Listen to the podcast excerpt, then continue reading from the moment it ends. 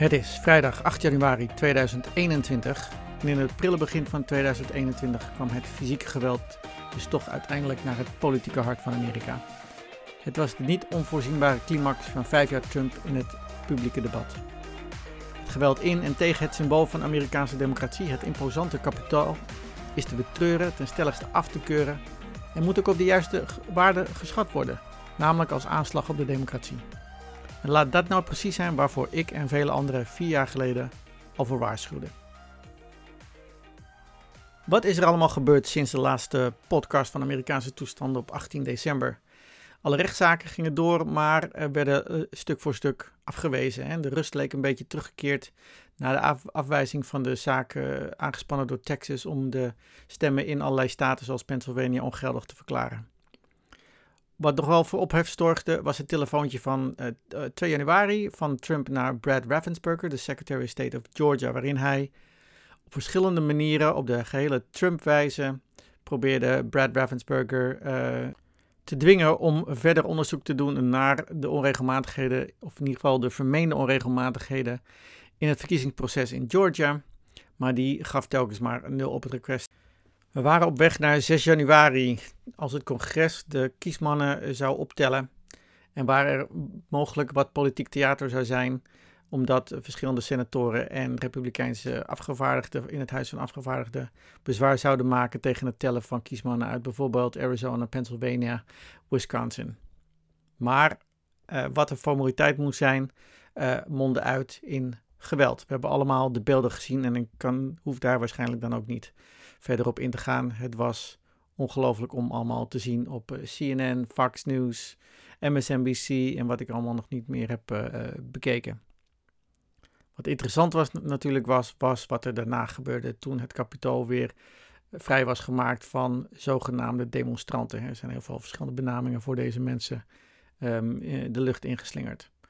Wat was het, de invloed van het geweld op die bezwaren op, op de kiesmannen en de politieke steun daarvoor? Nou, het was toch duidelijk dat de pro-Trump, de pro-bezwarengroep, duidelijk in aantal was verminderd. Ze waren geschrokken en ze waren uh, van mening dat dit dus wel te ver ging en dat ook president Trump verantwoordelijk was. Voor de eenheid van het land beoordeelden dan, sommigen dan ook dat het beter was om de bezwaren in te trekken en gewoon de formaliteit af te ronden en Joe Biden als uh, de president-elect te verklaren. Maar de conclusie over deze hele gebeurtenissen is duidelijk. En de rode draad in het commentaar die in de uren en dagen volgde op het geweld van 6 januari was dat men niet verbijst, verbaasd was, maar wel verbijsterd. Zoals ik. Ik had geweld al niet uitgesloten in een podcast van de NPO de dag, twee dagen ervoor, op 4 januari. De constante aanval van Trump eh, op de integriteit en legitimiteit van het democratische proces, vanaf het begin van zijn kandidatuur zelfs, wierp op 6 januari zijn wrange vruchten af. Maar wat zijn de gevolgen voor Trump? Uh, er waren in alle emotie tijdens de aanval al oproepen om Trump en de mensen die zich in uh, het kapitool hadden gedrongen te vervolgen. Voor de mensen die daadwerkelijk binnen waren, is de vervolgbaarheid duidelijk. Vandalisme, alle, het breken van allerlei eh, wet en regelgeving als het gaat om federale gebouwen, diefstal, uh, maar ook misschien zelfs wel um, omverwerping van de, regering of sedition. En, want dat, die laatste wordt ook al Trump tegengeworpen.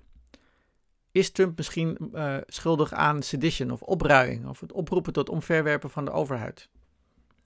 De US Attorney voor de District, de, de District of Columbia stelt dan ook een onderzoek in.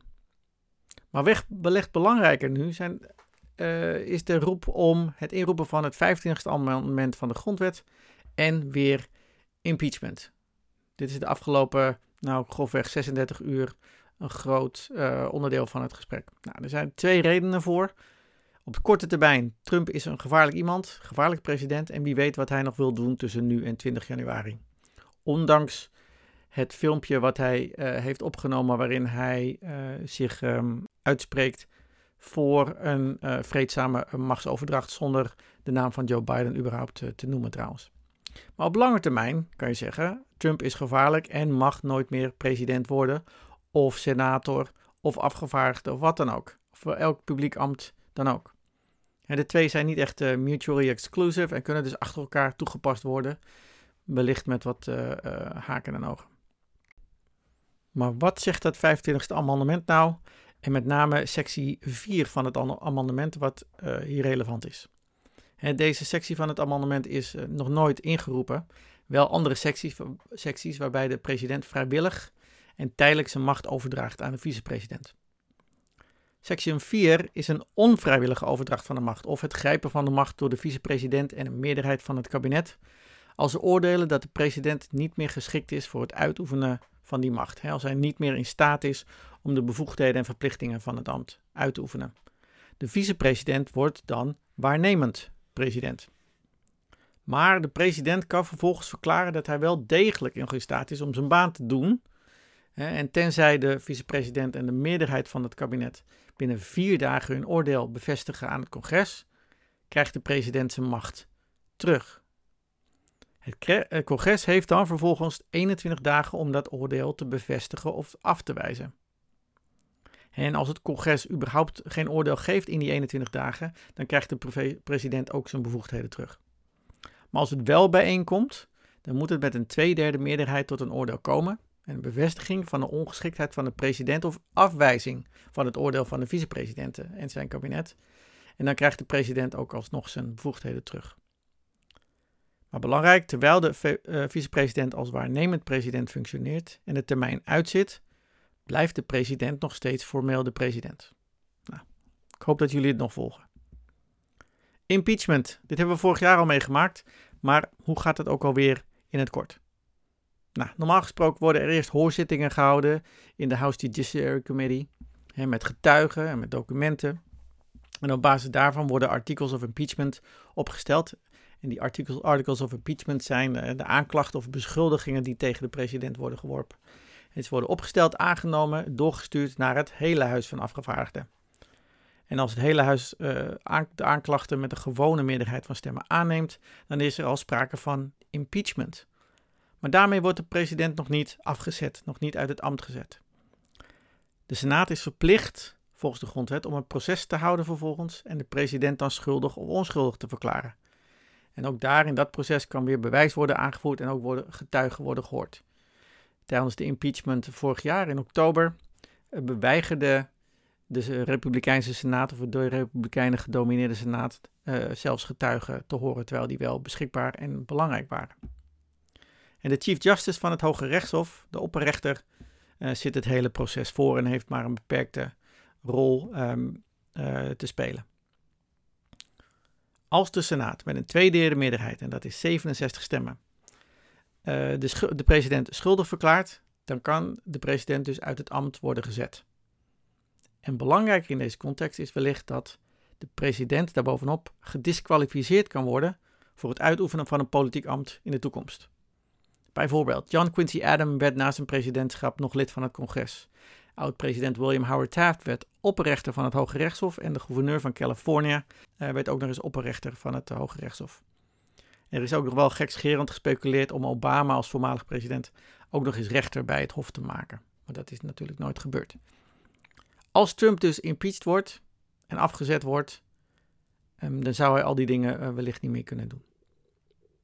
Er was nog een vraag gesteld of, uh, over wat gaat er met Trump gebeuren na zijn aftreden.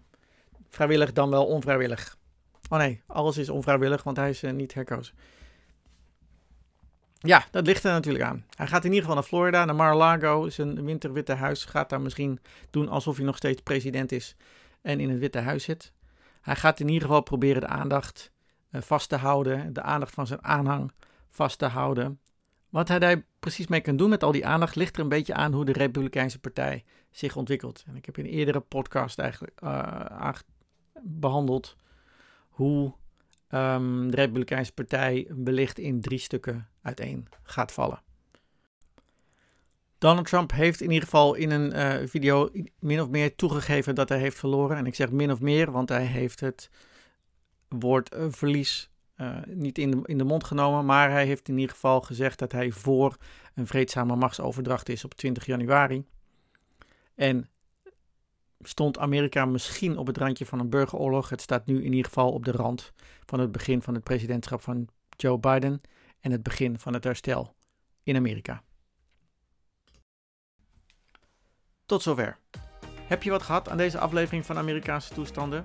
Laat dan een review achter op iTunes, zodat ook anderen de podcast snel kunnen vinden. Wil je het Amerikaanse circus blijven volgen, maar misschien niet 24/7? Abonneer je dan op deze podcast via iTunes, Spotify of waar je dan ook luistert. Of schrijf je in voor de nieuwsbrief via Amerikaanse-toestanden.nl. Mocht je naast het abonneren al deze content verder willen steunen, aanmoedigen, dan kan je zelfs een donatie doen. Ook via Amerikaanse-toestanden.nl. Nogmaals dank voor het luisteren en tot de volgende aflevering van Amerikaanse toestanden.